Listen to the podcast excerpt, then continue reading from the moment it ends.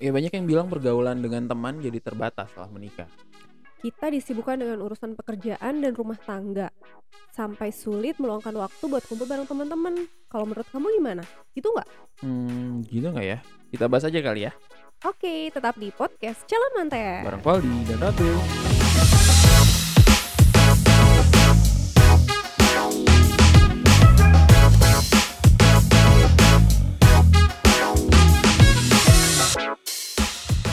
Jadi gimana tuh menurut kamu? Beneran kayak gitu nggak kalau misalnya yang namanya pertemanan tuh after nikah tuh bakalan jadi kayak makin sulit gitu? Eh, mungkin iya gitu ya. Bahkan kalau seiring berjalannya usia sebenarnya kan pertemanan kita tuh makin sempit ya. Dulu kalau eh, aku flashback gitu zaman-zaman SMP, SMA, teman-teman tuh bisa banyak belasan gitu ya untuk Mhm. untuk bisa kumpul dan segala macamnya. Tapi eh, makin ke kuliah, makin udah kerja gitu tuh makin berkurang gitu teman-teman pada menghilang. Bahkan mungkin muncul nih teman-teman baru di lingkup kerja ya ya makin memang makin terbatas sih dan apalagi kalau kita udah nikah kebayang sih gitu. Dan itu ya, Mm-mm. eee, jangankan setelah menikah gitu, sepanjang kita jadi semakin dewasa aja sebenarnya tanpa disadari memang teman-teman tuh mulai berkurang gitu. Mhm. Bukan karena pada menghilang tapi juga memang ya kitanya juga menyeleksi nggak sih gitu kan. Iya ya.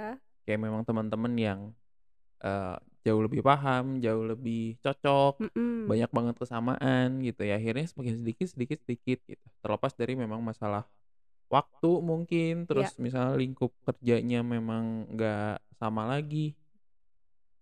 Sebelum nikah pun kayak gitu dan Iya kebayang ya betul. kalau udah nikah kan gitu. Jadi ada kayak semacam, apa ya, fokus yang yang berubah juga kali ya gitu. Mhm mhm mhm mhm. Kayak misalnya ya udah mulai, eee, kalau dulu ya lebih ke diri aja gitu, tapi kalau udah nikah ada istri, ada anak mungkin nantinya Mmm, iya gitu. bener. Fokusnya tuh lebih ke, ya udah buat keluarga gitu. Nambah gitu ya jadinya. karena memang secara peran juga jadi nambah, akhirnya kan mungkin secara kapasitas diri juga mulai sulit nih gitu Mhm. kan me eee, mengatur itu gitu. Nggak semua pertemanan tuh bisa kita fasilitasi untuk ya bertemu, untuk ngumpul, untuk apa gitu. Mhm Karena memang ya itu batas waktu, batas fokusnya juga jadi berubah banget gitu kan. Terus kayak ya jelas kalau udah fokusnya ini kita nambah peran nambah, Mhm. ya kan. Fokus nambah, tapi kan yang namanya waktu tuh nggak ya 24 jam Tetap aja gitu 24 kan se jam, betul. setiap harinya gitu kan. Jadinya pasti sih kalau menurutku gitu after nikah itu pasti pertemanan tuh bakalan berkurang gitu. Apalagi rutinitas kita juga makin berubah ya kan, maksudnya ada jam kerjanya, ada ngurusin ru suaminya juga, Mhm. ngurusin rumah, atau misalnya ngurusin orang tua juga gitu kan. Jadi memang benar sih gitu perannya bertambah dan keluangan waktu akan jadi lebih sulit gitu ya untuk membagi gitu ya. Mhm. ka kalaupun punya waktu nih kadang Mhm. ya, kalaupun misalnya lagi punya waktu, lagi Mhm. senggang, kadang jadinya milih buat istirahat, Iya bener. milih buat ya udah chill aja gitu nggak pengen pengen ngapa-ngapain gitu kan. Mhm. Eee, apalagi misalnya yang orang tua, ya pasangan yang bekerja gitu kan. Mhm. Senin sampai Jumat full day gitu ya. Kerja gitu kan, Sabtu Minggu tuh kadang ya harus beberes lah, ya harus, Mhm. eee, apa istilahnya bonding sama anak barangkali gitu. Mhm. Akhirnya ya teman tuh jadi kesekian sih gitu. Belum lagi prioritas tentang kayak keuangan kali ya. Asli. Itu sih pasti jadi pertimbangan banget ya kalau udah menikah gitu ya, karena Nongkrong mana yang nggak ngeluarin duit, ah. Bener. Minimal berapa ya, minimal 150 kali ya kalau untuk sekarang gitu. Iya karena karena kadang kalau misalnya nongkrong ketemu sama temen juga kita sering kali, eee, nggak sendirian juga ya nggak sih Iya gitu, tetep bener. bawa harus bawa pasangan, terus bawa Pasangan. anak juga, Mhm. belum jajan lah dan lain-lain gitu. Kadang gini kalau misalnya, eee, kebetulan kita memang belum belum nikahan gitu, terus Mhm. misalnya aku harus, eee, ketemuan lah gitu sama yang ngajak ngajak nongkrong lah, ngajak apa gitu sama teman-teman tuh. Yang notabene mereka udah pada berkeluarga. Mmm. Mereka, eee, akhirnya memilih untuk main aja lah ke rumah gitu, atau Iya. misalnya, eee, ya ketemu di mana tapi nggak yang gimana banget, karena Mhm. pada akhirnya mereka harus mengeluarkan kocek lebih dalam Karena mereka bawa anggota gitu. Iya betul. Karena kalau misalnya sendiri sering kali ini si si istri pengen ngintil gitu Iya, kan. nggak nyaman juga mungkinnya ninggalin gitu Ya kan, bisa jadi kayak gitu gitu, nggak nggak enak kalau misalnya ditinggalin ya akhirnya harus dibawa segambreng-gambreng tuh bawaan banyak sama anak-anaknya juga gitu. Atau ya memang itu waktu quality time sama keluarga juga tapi sama temen nih gitu kan, Sekalian gitu kan, sekalian, sekalian buat betul. bertemu gitu. Nah Mhm. kadang kayak gitu juga akhirnya kenapa, eee, pertemanan tuh jadinya ya bisa dibilang terbatas gitu after Mhm. pernikahan gitu. Nah, ya tadi nyambung lagi apalagi kalau misalnya si tapi gini ya, kita agak agak misalnya loncat ke konteks satu fenomena yang menarik ketika bahasa nongkrong nih, Mmm. terutama untuk per bapak-bapakan ya. Nongkrong itu jadi satu permasalahan buat sang istri Iya gitu. iya, bener bener. Padahal di satu sisi ya terlepas dari mau itu cewek atau cowok sih, cowok dengan misalnya nongkrongnya lah tiba-tiba pulang pulang, eee, ngantor tuh badminton dulu atau futsal dulu sama Mmm. temen-temen gitu. Tapi kalau dari cewek juga bisa jadi sih misalnya ada arisan dulu lah, Iya, arisan atau bener. apa dulu lah Mhm. gitu. Nah cuman kalau di konteks sudah berkeluarga, ada pasangan, sering kali fenomenanya tuh itu jadi masalah gitu. Mmm. Jadi ih udah udah seharian kerja, bukannya pulang Bukan ketemu cepet anak, pulang istri, gitu ya. apa gitu, tapi malah Mhm. nongkrong dulu gitu. Walaupun kalau misalnya dibalikin lagi, mmm kami butuh refreshing, kadang Iya, kayak gitu ya. me time lah ya. Ya me time-nya gitu, cuman sering dibalikin lagi, "Iya kamu me time terus, aku me time-nya kapan?" Kapan? Kayak Mhm. gitu-gitu. Nah, menurut kamu sendiri sebenarnya fenomena nongkrong nih kayak gimana sih? Kalau aku sih ngelihatnya kayak ada dua belah pihak gitu loh, maksudnya kita bisa lihat dari dua kacamata. Sebenarnya kalau kalau cuma nongkrong yang nggak ada nggak ada meaning-nya gitu ya, ya Mhm. udah tiap tiap pulang kerja tuh selalu nongkrong, "Aku pulang telat nih ya," padahal cuman ngobrol sama temen, ngerokok, ngopi gitu Mhm ya, mhm. yang nggak ada juntrungannya dan itu Mhm. polanya ritmenya setiap hari gitu. Mhm. Itu jadi salah gitu. Tapi kalau Oke. tadi kamu bilang, "Aku pulang kerja ada badminton dulu ya," misal ada futsal dulu ya gitu, Mhm. atau misalnya yang cewek-cewek pulang kerja ada yoga dulu ya misalnya gitu, atau ada arisan yang, eee, sekuensinya yang nggak setiap hari gitu, misal Oke. seminggu cuman 2 kali lah, 3 kali, itu masih jadi wajar dan itu sehat menurutku. Karena tadi untuk me time untuk me time kita kan, untuk ngatur pola emosi juga gitu, nge-recharge diri biar pulang ke rumah kan nggak bete gitu ya, masih tetap bisa oke nih ngadepin anak sama istri atau sebaliknya ngadepin suami sama anak gitu. Gitu sih kalau menurut aku gitu. Jadi satu sisi oke kalau nggak tiap hari banget gitu dan jelas gitu ngapainnya, gitu sih. Itu Mmm. nggak? Kalau aku nanti misal after Heeh. nikah mau nongkrong gitu gimana ya? Walaupun kayaknya Kayaknya nggak mungkin. Kalaupun iya pasti bareng ya nggak sih? Ini, eee, paket hemat ya kita ya, temen-temennya juga sama kayaknya. Aku sangat cinta di rumah gitu kan, Iya aku mau di rumah aja. Mungkin akan lebih lebih enjoy ketika, "Kamu mau ke mana main?" "Oh ya atuh, aku di rumah aja." Ye katanya gitu. Walaupun nggak tahu nanti kalau misalnya udah punya anak ya Mhm gitu. mhm mhm. Kalau ditinggal, "Aku mau arisan dulu, kamu di rumah, tapi rumahnya jaga anak." Jaga Wah, anak. ah ikut ajalah. Tapi Heeh. iya sih, maksudnya eee di kon di konteksnya kita sebagai individu sebenarnya kan tetap aja ya pertemanan tuh tetap butuh ada Iya ya iya sih gitu. Betul. Eee, nggak melulu walaupun sudah berpasangan tapi semua waktu tuh ya sama pasangan lah, Mmm. terus sama keluarga, terus nggak kayak gitu juga kan sebenarnya. Karena Mhm.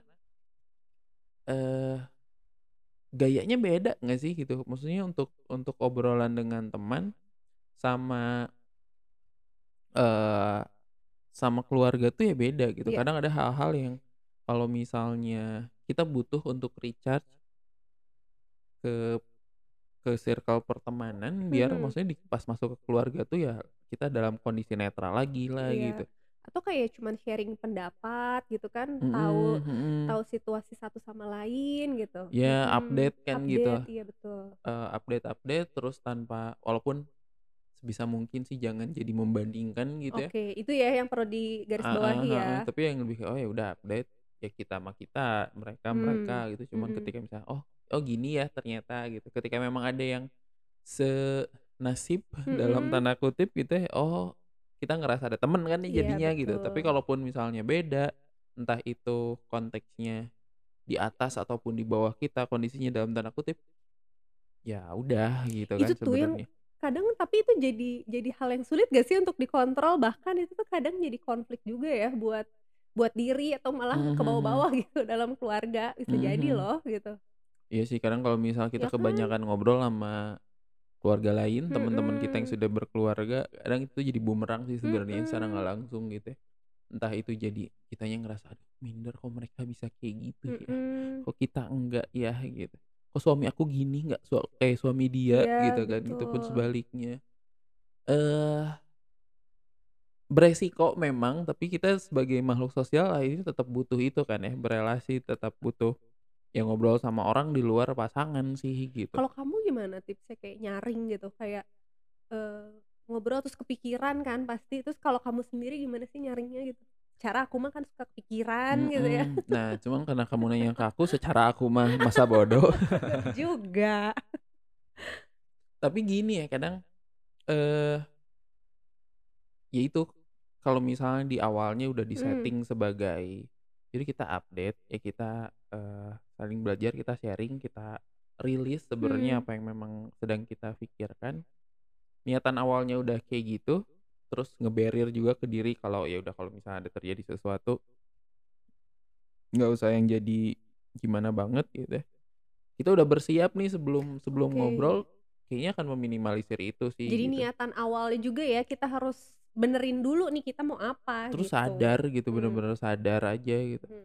Kadang ada kayak gini tau, eee kita tuh enggan ketemu sama temen karena ngerasa ketika ketemu dengan teman tuh jadi ajang per eee Pamer? ya Bukan? pamer Oh lah gitu pamer, kan, terus mhm. ajang untuk nge-spill pencapaian gitu. Mmm, mhm. Jadi kadang jadi jadi suka males gitu kan untuk untuk bertemu itu.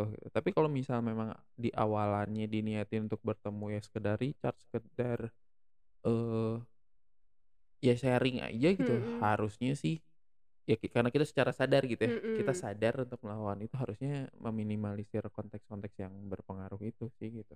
Oke.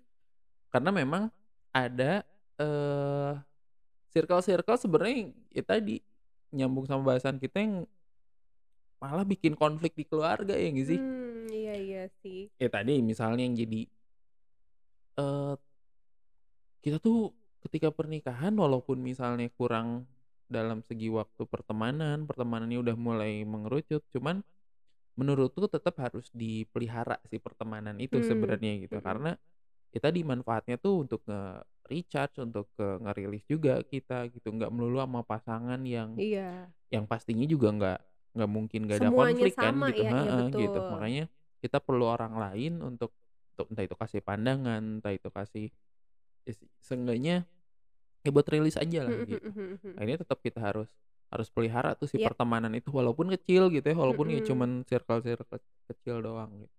Nah cuman, ada resiko juga ketika memang kita ngelola pertemanan itu, justru kita terjebak sama circle pertemanan yang malah nambah-nambah konflik di keluarga gitu Mmm, sebenarnya kan mhm gitu. mhm mhm. Ya tadi misal jadi malah jadi minder ke kitanya gitu karena, Iya. eee, patokannya jadi membandingkan membandingkan gitu. Mereka datang sebagai, eee, teman yang cuman ya spill pencapaian mereka gitu dan itu ma makin makin drop ke kitanya gitu. Iya, atau yang sering banget ngeluh gitu ya, bahkan Mhm kita nggak dikasih jeda untuk ya ikut sharing juga misalnya gitu, jadi ya, ah, gitu lelah gitu kitanya malah. Iya gitu, mhm. jadi sering kali ada beb ada teman-teman yang malah jadi ngasih efek negatif ke kita Mmm, gitu. mhm mhm. Itu kalau konteksnya di tadi ya, eee, ngaruh ke perasaan kita yang jadi nggak enak gitu. Mmm. Tapi ada yang, eee, efek negatifnya justru bener-bener physically bahkan sampai materi gitu, ada kan ya? Yang, "Iya nih," gitu ya, sambil ngusap-ngusap dengkul gitu ya. Iya kan tiba-tiba, "Hai gimana Bro, gimana Bro, sehat sehat-sehat aja nih gimana? Kat katanya kemarin aku denger kamu lagi ada masalah ya gini gini gini, tapi sekarang mah udah beres lah ya," gitu. Terus nggak lama, "Bro ada 500 nggak?" Gitu kan. Ada kan kayak gitu kan Iya iya sebenarnya. iya. Mmm, ketika misalnya memang itu teman dekat, terus kita bis kita punya istilahnya banyak hal positif sebenarnya kita dapetin Mmm. dari dia juga, terus masuk ke momen kayak gitu Kan itu tuh pasti ada lah. Mhm. Ya nggak apa-apa juga sih sebenarnya gitu, kayak masalah minjem duit lah atau apa, kalau menurutku ya itu nggak jadi masalah. Asalkan kita memang tahu track record-nya dulu. Iya, Ya betul. sebelumnya memang dia nggak pernah kayak gitu. Di situasi dia minjem mungkin memang lagi butuh banget. Ya Mhm. udah gitu, kita nggak muncul prasangka yang aneh-aneh. Mhm Tapi udah mah ketemu aja jarang, eee, berkontak juga ya secukupnya aja gitu, tapi Mhm. tiba-tiba ketika dia butuh duit, kayak kok deket banget, Iya, kok datang tiba-tiba gitu. Iya Ada iya kan iya. yang kayak Ada gitu ada, gitu. iya bener bener.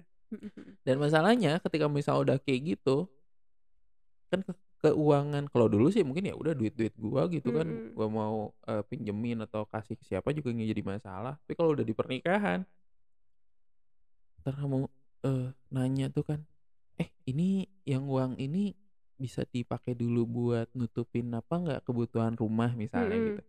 Tapi di di konteks itu ternyata duitnya dipinjemin ke Iya temen gitu kan. Wah itu pasti jadi konflik kemurkaan Mhm. rumah tangga yang Mhm. mungkin nggak marah istrinya, Mhm. cuman kok dia mentingin temen gitu kan Temen, iya dibanding aku. Nah muncul kayak gitu-gitu kan Mhm sebenarnya yang jadi konfliknya gitu.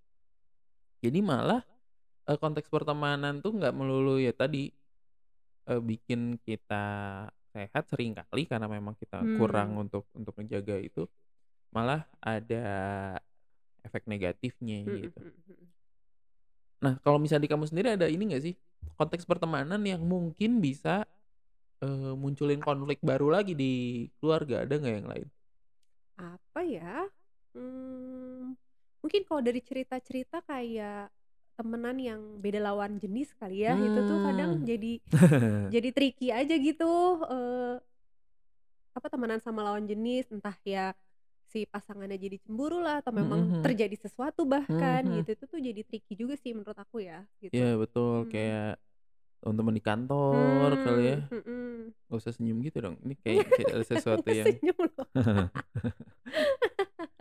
kayak kayak tertuduh gitu Kayak tertuduh. Ya misalnya teman-teman kantor lah, atau Mhm. misalnya teman-teman main yang, eee, kadang ada tuh misalnya temen juga yang zaman sebelum nikah sebenarnya memang ya sudah sudah terkenal, eee, humble dan ya ke orang-orang tuh baik lah gitu ya, Mhm. nggak dan istilahnya kecenderungan ke arah-arah, eee, cheating kayak gitunya Ya. mungkin kecil lah gitu, Mhm. karena memang memang udah tahu. Bahkan istri pun sebenarnya tahu juga ada pertemanan-pertemanan itu. Cuma nggak tau nggak tahu ya, mungkin kalau udah konteksnya berkeluarga jadi jadi jauh lebih, Sensitif kali sensitif ya, gitu ya. Udah mah tadi misalnya di awal kecemburuannya tuh dalam konteks waktu juga Iya. gitu. Temen aja diduluin, aku enggak gitu kan. Mhm. Ditambah temen yang diduluin itu cewek, waduh. Aduh, udah deh itu mah, Udah dikunci dari aja rumahan. udah aja gitu kan, itu udah udah kayaknya udah di-blacklist tuh temen-temennya atau apa gitu. Dan Itu apalagi kalau nggak dikenalin ya kan, maksudnya Iya nggak tahu betul gitu. gitu. Nggak tahu lah, nggak ya memang belum pernah ketemu lah Mhm gitu. mhm. Itu jadi konflik lain yang tadi selain masalah minjem duit lah gitu, masalah efek negatif secara, eee, psikis Iya. jatuhnya ke minder dan lain-lain, tapi ada juga mu kemungkinan pertemanan yang ya tadi berujung Mhm. pada Membuka kesempatan yang Iya kesempatan yang, eee, bahaya guys. iya deg-degser gitu kan. Mana zaman sekarang pelakor kan makin-makin ya, itu ngeri Mhm, banget. betul Makin gitu kan, berani. makanya aku mah di rumah ajalah. Biar aman guys. Daripada daripada. Gitu. Gitu dan Mhm. ya tadi, eee, pertemanan after nikah minim memang jadinya, tapi mau nggak mau tetap harus di harus dipelihara gitu Mhm mhm. dan eee, gimana sih kita bisa melihara pertemanan tapi juga nggak nimbulin konflik gitu, sebenarnya Mhm. bisa bisa nggak sih gitu? Jadi tadi kayak mhm. misalnya, kan nongkrong nongkrong tuh jadi harus sih menurutku gitu untuk untuk Mhm. nge ya ngebangun relasi gitu, tapi gimana caranya biar nggak jadi konflik? Atau misalnya tadi berteman kan sebenarnya sama siapa aja, Ya. tapi gimana caranya biar nggak jadi konflik juga di keluarga? Kira-kira kalau menurut kamu atau kayak ngelihat orang gitu? Apa ya, kayaknya yang paling penting sih komunikasi ya, pertama banget Mhm gitu, antara mhm. pasangan misalnya ya bilang butuhnya apa nih, "Aku butuh ketemu sama teman-teman Mmm, dong," mhm gitu, "boleh nggak mhm. menurut kamu?" Gitu ya. Mhm. Sharing aja terbuka dan ketika kita mau pergi ke mana, sama siapa, jam berapa, itu keterbukaan itu harus bener-bener dijaga sih gitu dan, Iya. eee, tadi ya bukannya kita milih temen, tapi, eee, ya kita juga perlu selektif gitu ya, ini temen mhm. yang yang kita mau jumpa itu worth it nggak ya? Mhm. Dia bisa, eee, kasih pengertian juga nggak ya ke kita gitu mhm. dan nggak ngasih efek buruk tadi sih gitu. Gitu Oke, kali ya? ini ini masuk ke konteks kita ya. Nah. Eee, kalau kamu sendiri, ada ini nggak sih, kan tadi kayak semacam meminta izin atau ya minta pendapat lah ya Ya. gitu dengan dengan, eee, circle pertemanannya kita tuh menurut kamu gimana? Nah kalau dari kita sendiri nih Nah. kamu ngerasa aku tuh fine-fine aja ketika berteman sama yang kayak gimana dan kayaknya agak masalah deh kalau berteman dengan yang kayak gimana. Kamu seperti apa? Kayaknya aku nggak suka deh kamu temenan sama yang kayak gini gitu. Walaupun ya masalah cewek kayak gitu kayaknya udah pasti itu ya. Ini tuh ke akunya atau ke kamunya sih? Kamu, eee, ngebolehin aku temenan sama siapa, Oh gitu. ngelarang atau misalnya kayaknya nggak jangan deh gitu, aku tuh ke siapa gitu. Oh. Tadi sih ya, iya, lawan jenis sudah pasti enggak gitu Mhm. ya, itu satu. Terus temenan yang, mmm, apa ya, sejauh ini sih teman-teman kamu juga udah oke ya, maksudnya nggak ada yang ngarah-ngarah ke hal-hal yang aneh. Mungkin kalau misalnya si temen-temennya nih cuman pengen foya-foya doang gitu Mmm, ya, mhm. kayak misalnya nongkrong di kafe-kafe, di Mmm. klub-klub, misalnya Mmm. kayak gitu-gitu tuh yang kan bikin worry juga ya Mmm. gitu. Itu tuh, eee, bawa pengaruh baik nggak ya ke kamunya? Walaupun aku misalnya tahu kamu punya, apa namanya, ya normal lah gitu ya, nggak akan Mhm. nggak akan ini, cuman kayak kayaknya nggak deh gitu kalau untuk hal-hal kayak gitu ya. Selama temenannya masih ke arah hobi positif gitu ya, terus, eee, masih satu frekuensi lah gitu sama Mhm kamunya mhm. gitu, itu sih oke-oke aja, gitu kali ya? Mhm. Oke. Tapi kalau misalnya kayak no nongkrong nong kayak itu lebih ke temen kamu kayaknya. Iya ya kayaknya. Iya sih emang. Tapi yang kayak gitu-gitu juga kadang ini sih, eee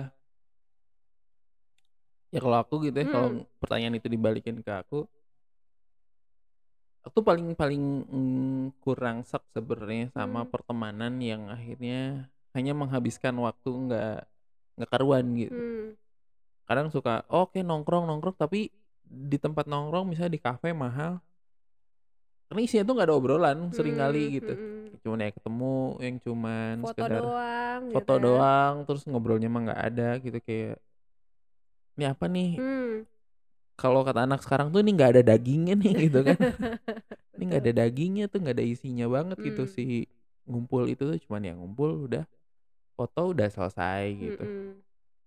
Seringkali nggak nggak ngelarang sih sebenarnya tapi, ya disayangkan aja Iya gitu kayak betul. sering kali ada ada waktu yang memang, ya kurang efektif lah di situ. mhm. Kan ada ya temen-temen yang kayak gitu Mhm gitu. mhm mhm. Bahkan ya aku aku pun terlepas dari memang ya beruntungnya kamu sebenarnya karena aku nggak suka nongkrong juga Iya, yes, sebenarnya. asik. Lebih lebih enjoy di rumah tapi tetep ya maksudnya ngebangun pertemanan tuh ada tapi selalu selalu ada kayak tujuannya Iya gitu. betul betul. Aku mau Dan ketemu ini bahas ini gitu, mhm. aku mau ketemu ini bahas apa Iya, gitu. dan selama ini aku malah justru diajarin sama kamu gitu kan, maksudnya, eee, yuk kita cari support system yang emang bener-bener bisa, eee, sejalan gitu kan, Mhm, sesuai sama kita mhm. juga gitu dan akhirnya kalau ketemu temen tuh ya pasti ada tujuannya pengen bahas inilah atau pengen Mhm. apa, silaturahmi lah atau apa Mhm, gitu tuh betul. ya, justru aku malah selama ini kayak kayak diajarin gitu sama kamu. Kalau dulu mah temenan, hangout ke mana, pokoknya yang Mmm, penting ada mhm, temen, yang penting mhm. nggak ketinggalan sama update gitu ya, sama Nah, kan FOMO banget ya iya, orangnya tuh ya. anaknya gitu banget gitu. Tapi sekarang mulai mulai belajar sih, mulai bertimbang, "Oh ya ini oke atau enggak," gitu. Gitu Mmm, sih, mhm mhm. betul. Nah itu dia, eee, balik lagi kalau di pertemanan ketika udah nikah kebayangnya nih, ya aku kebayangnya perlu perlu itu gitu karena, Mhm. ya kita mah berteman ya sama siapa aja tapi belum tentu tuh pasangan tuh oke dengan dengan Iya, itu betul gitu. betul. Bukan bukan atas dasar bucin dan lain-lain ya sebenarnya gitu, nggak berarti kenapa kamu Yang ngelarang-larang gitu. iya overprotective misalnya Iya. gitu, beda ya konteksnya. Tapi minimalisir konflik aja sih sebenarnya gitu. Iya. Toh nggak nggak terlalu yang merugikan banget juga kan sebenarnya gitu. Nah, tadi yang boleh dan nggak boleh nih kalau misalnya yang justru seneng banget nih kamu aku seneng banget tuh kamu berteman sama si A, si B gitu. Soalnya gimana gimana gimana. Nah, kamu sendiri ada ekspektasi kayaknya teman-teman yang bisa sehat support ke kita tuh sebenarnya kayak gimana sih gitu? Kalau aku sih gitu ya ngelihatnya kalau si temen ini emang bener-bener bisa support gitu ya, terus Mmm. bisa ngedengerin minimal gitu Yap. kalau misalnya kita lagi sharing ide lah atau sharing pengalaman gitu ya. Eee, terus tuh pasti kan kalau misalnya habis ketemu teman terus kamu tuh pasti kan sharing kan, Mmm, akan cerita gitu mhm. gimana sih tadi ngobrol. Nah, di situ tuh kayaknya momen kita untuk ngelihat gitu, ini si temen ini worth it nggak sih untuk pasangan kita atau misalnya dia ngasih dampak apa sih sama Mhm pasangan mhm kita gitu. mhm. Ya selama tadi, selama dia bisa ngedukung gitu atau bahkan bisa, eee, apa namanya, klop gitu ya, bisa bikin sesuatu hal yang baru Ya, gitu. betul betul betul. Untuk ya apalah ide ataupun kreasi ataupun apa gitu ke depannya itu malah oke Mhm, banget kan, mhm. gitu sih. Ini sih sebenarnya pertemanan yang, eee, nggak ada judgement di dalamnya sih, itu Iya itu asik iya banget itu sih. bener banget, Maksudnya, bener. eee, kita ketemu teman-teman yang barangkali sudah berkeluarga Mmm. juga, tapi konteks di dalamnya tuh ya udah menghargai kepentingan keluarga Iya iya, masing-masing aja bener gitu. bener, mhm. Eee, ya isinya sharing doang tapi nggak ada tapi ya misal misalnya ada ngomong kita ngobrol nih sama temen terus isinya tuh cuman "Tapi nih ya kamu tuh sebenarnya harusnya mah gini tahu," gitu, Mhm "kamu tuh harusnya gini gini gini gini gini." Mmm. Padahal misalnya nggak nggak pertama kitanya nggak minta saran, terus, eee, dia juga nggak tahu sepenuhnya tentang tentang Iya. konteksnya kita gitu. Kadang itu agak agak sensitif sih di di konteks-konteks yang memang eee, sensitif banget lah itu tuh itu tuh susah banget sih gitu. Nah terus ya tadi kalau misalnya udah speknya udah sesuai sama pasangan kayaknya Mmm. itu udah udah okelah gitu, Oke, kita iya. udah nggak nggak terlalu yang gimana banget. Mhm. Nah sama ini sih, sama tadi yang kamu sempet sempet up juga gitu. Mhm. Kalau si pertemanan itu tuh bisa berujung pada bikin sesuatu itu sih aku Mhm. seneng apa ya, happy banget lah gitu.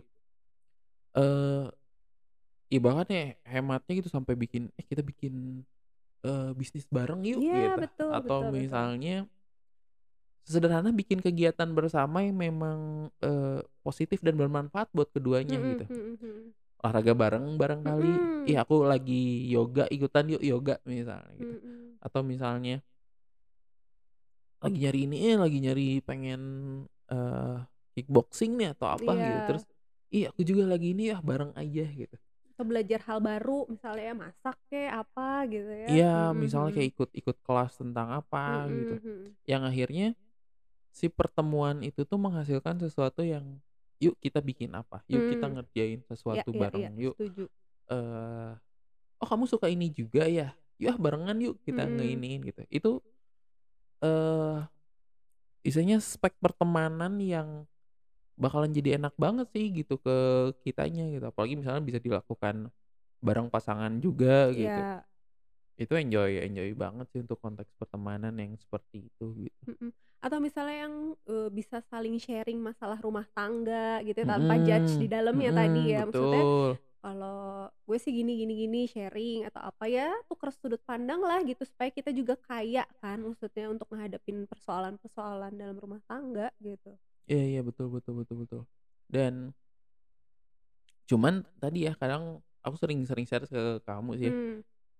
Kalau aku mah nyari tem nyari temen tuh kadang ya susah kalau misalnya kita butuh satu orang yang komplit nih semua-semuanya. Mhm. Misalnya aku suka, eee, ya suka bikin-bikin apalah, eee, konten lah atau Iya. misalnya, eee, nulis Mmm. atau bikin-bikin film lah, video atau apa gitu. Atau juga misalnya yang berat-beratnya aku suka banget nih ngobrol tentang filosofis atau apalah gitu ya. Susah sih kalau misalnya nemuin semua hal itu di satu orang gitu. Iya, betul dan Akhirnya mhm. ya dan nggak apa-apa juga kan Iya, untuk betul. untuk nge-split itu gitu. Mhm. Aku ngomongin tentang bahasan-bahasan yang berat tuh sama si A, Mhm. bahasan-bahasan yang ringan semuanya bercandaan tuh sama si B gitu. Eee, ngebagi-bagi seperti itu nggak jadi masalah dan Mhm. bahkan ya tadi, untuk ngebagi antara, "Oh ini enak nih buat di" istilahnya nongkrong itu sama pasangan juga nih, pasangan kita ikutan. Ada yang kayak gitu atau, "Ah ini mah sendiri aja," gitu. Mhm mhm. Karena kadang ada ada pertemanan yang bisa jadi sebenarnya bikin bete pasangan gitu, Iya iya bener sih? ya. Kayak males gitu. Ya kalau misalnya aku ngajak kamu misal ngobrol, eee eee, sama temen misal ngomongin tentang bisnis lah, ngomongin tentang per-IT-an atau barangkali gitu ya, misalnya di kalau kita ke kalau aku suka ke Saranten tuh kan gitu. Mhm. Karena sering kali kalau aku bawa kamu juga kamunya ya bete nggak ya kagok juga gitu kan untuk Mhm. ikutan. Ya udah nggak apa-apa mendingan enggak Mhm gitu. mhm. Itupun sebaliknya misalnya kayak aku harus bertemu dengan teman-temanmu dan berhaha-hihi, ngegibah dan lain-lain gitu. Udahlah kamu ajalah. Iya dan akhirnya nggak malah jadi kagok gitu kan ke Mhm kitanya mhm juga. mhm. Satu sisi harus mikirin pasangan, satu sisi harus mikirin temen-temen juga. Jadi nggak, ya udah deh nggak lepas jadinya Iya gitu gitu. dan dan jadinya nggak apa-apa untuk mem memilah gitu antara, Mmm. ya udah ini bisa kita temenan jadi jadi barengan gitu ya, bawa pasangan juga, ada yang teman-teman ya kalau pasangan nggak sreg sama itu, ya nggak usah juga Mhm gitu. mhm. Nggak sreg dalam art tapi nggak sregnya dalam artian ini ya, bukan kayak ngasih efek negatif, cuman nggak nyaman aja kayak gitu. nyaman aja, gayanya aja Iya. beda gitu, Mhm eee, mhm. polanya aja beda gitu dan ya jangan maksain, jangan Mhm. maksain kita untuk menerima teman kita yang sebenarnya bukan style-nya pasangan kan Mhm gitu. Dan ya berarti kalau nanti pun udah nikah ya bilang aja ya, maksudnya, "Aku di rumah aja ya, nganter aja," misalnya gitu atau apa ya, atau Mhm. misalnya ada kebutuhan untuk ditemenin ya bilang gitu, tapi Iya betul. gimana gitu ya. Bilang dengan syarat dan ketentuan berlaku juga sih ya gitu. betul. "Temenin lah, aku mah cuman bentar," gitu misalnya. Mhm. Biar kadang suka ada yang kayak gini tuh. Ya kamu juga tuh suka, "Udahlah ikut ajalah, soalnya biar akunya bisa izin duluan," gitu. Suka ada yang kayak gitu juga kan. Nah, syarat ketentuan berlaku itunya di diterapin nggak jadi masalah sih sebenarnya gitu.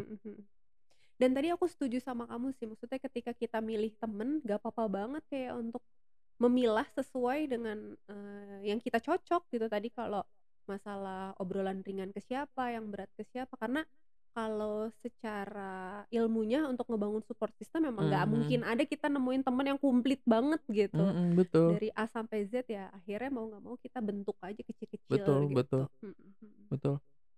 Kadang suka ya kalau misalnya kamu tuh ngisi di mana gitu, ngasih tahu tentang ya gimana ngebangun support system, suka bikin kayak semacam jurnal gitu kan ya. Mhm.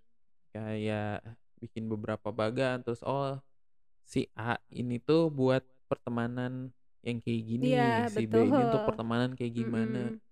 Nih nongkrong-nongkrong cantik tuh sama yang Yang ini, ini. iya. Kalau misalnya, eee, tiba-tiba naik gunung, per camping-camping di mana gitu sama teman-teman Mhm. yang ini gitu, nggak Mhm. mungkin kita ngajak si nong nongki-nongki cantik buat, eee, camping-camping kan misalnya Iya. kayak gitu.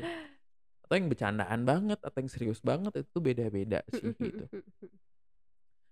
Nah, yang terakhir adalah sebenarnya gimana, eee, karena ya konteksnya balik lagi ke pernikahan, sejauh mana sih batasan, eee antara memprioritaskan keluarga dan juga memelihara pertemanan, kalau menurut kamu gimana tuh? Batasan yang ya udah jadinya wajar aja gitu. Batasan yang wajar tentu ya yang paling pertama kita tetap prioritasin dulu keluarga ya, maksudnya mhm. dari pasangan, keluarga dulu gitu dibandingin teman-teman dan wajarnya tadi, misalnya kalau kita ngomongin kuantitas aja dalam seminggu gitu ya, kalau udah masuk ke setiap hari gitu ada ada, eee, pertemanan di dalamnya kayaknya itu udah jadi nggak wajar sih gitu ya. Misalnya, eee, minimal, eee, 3 hari lah, 2 Yap hari gitu yap. ya, pokoknya porsi sih kalau aku untuk batasan wajar dan enggaknya gitu, karena ya balik lagi prioritas tetap keluarga dulu sih, gitu. Dan Setuju ini ya, dan Heeh. konteksnya juga sih. Mhm. Waktu iya, eee, Mmm. intensitas iya, dan konteksnya gitu, nggak suka ada tuh kayak teman-teman yang curhat, aku tuh lagi perut gede banget, lagi kayak jalan tuh susah, mau Mmm. ngambil apa tuh susah, misalnya Lagi lagi lagi hamil, hamil gitu kan. Tapi misalnya suaminya itu pulang kantor langsung ketemu temen atau apa Iya gitu. Di konteks itu kan jadinya Oke, situasi berarti super ya? super sensitif kan gitu. Mmm. Jadinya ya ya udah yang tadinya misal nongkrong 2 sampai 3 kali seminggu gitu tapi di situasi itu ya dikurangin Iya gitu kan. betul betul betul betul, setuju setuju. Atau misalnya memang, eee, si bapak suami itu lagi wah banyak banget kerjaan misalnya gitu, terus pulang tuh pasti lelah dan lain-lain. Mhm. Padahal misalnya si istri di Sabtu ada jadwal arisan gitu. Mhm. Ya diprioritaskan aja dulu yang mana, yang seperti Mhm apa mhm gitu, mhm. nggak lantas kita kaku banget gitu sama, oh 2 sampai 3 hari tapi nggak nggak ngelihat situasi Iya gitu. bener sih. Itu sih jadi jadi penting banget. Karena ya pertemanan balik lagi ya, pertemanan di konteksnya kita sudah menikah pasti berkurang banget, Mhm. tapi nggak mau-mau itu harus tetap dipelihara karena ya positifnya banyak juga Mhm gitu. mhm. Cuman meminimalisir konflik ya dengan kita bijak sih buat buat, eee, menentukan prioritas gitu Mhm. kan gitu. Dan sadar ya tadi yang Kakak kamu Mhm, bilang gitu, mhm. sadar apa yang mau kita lakuin gitu. Betul, gitu teman-teman. Gitu. Dan Mhm. ya tenang sajalah aku mah kayaknya akan lebih banyak di rumah. Paling ya kalau misalnya apalagi nanti kalau ada teman atau apa ya, mendingan ke rumah ajalah gitu. Iya Apalagi iya kalau misalnya ya, aku aku keluar rumah juga ketemu orang baru, beresiko ya gitu, nanti segelnya kebuka. Aduh, katanya ya. Jadi udahlah di rumah aja, gitu ya. Oke Oke. guys. Konteks pertemanan ya Yap. mudah-mudahan nanti kita sudah menikah bisa menerapkan apa yang kita bahas kali ini gitu Mhm ya. mhm. Karena ini masih, eee, awang-awangannya calon manten gitu Yap, ya, kita belum betul. tahu yang realnya seperti apa, tapi seenggaknya karena kita sudah sadar dan membahas ini seharusnya jadi pengingat ketika Mhm. memang kita udah langsung turun ke lapangan ya. Betul. Sampai jumpa di episode selanjutnya, eee, masih sama Valdi. Dan Ratu. Kita balik lagi di episode dan pembahasan yang lainnya di podcast Calon Manten. Bye.